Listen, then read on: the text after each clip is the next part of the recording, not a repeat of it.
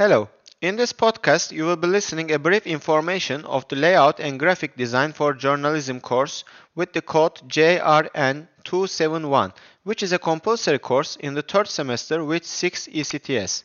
The aim of this course is to introduce Photoshop software, pixel-based program for journalism. The lecture will give the students the chance to reflect their aesthetic and creative skills on a television program, supplying them with hands-on experience. This lecture will take into consideration the aspects of a program such as editing, graphics, sound, music, constituting its visual design. For more information, you may review the course syllabus on the Journalism Department web page.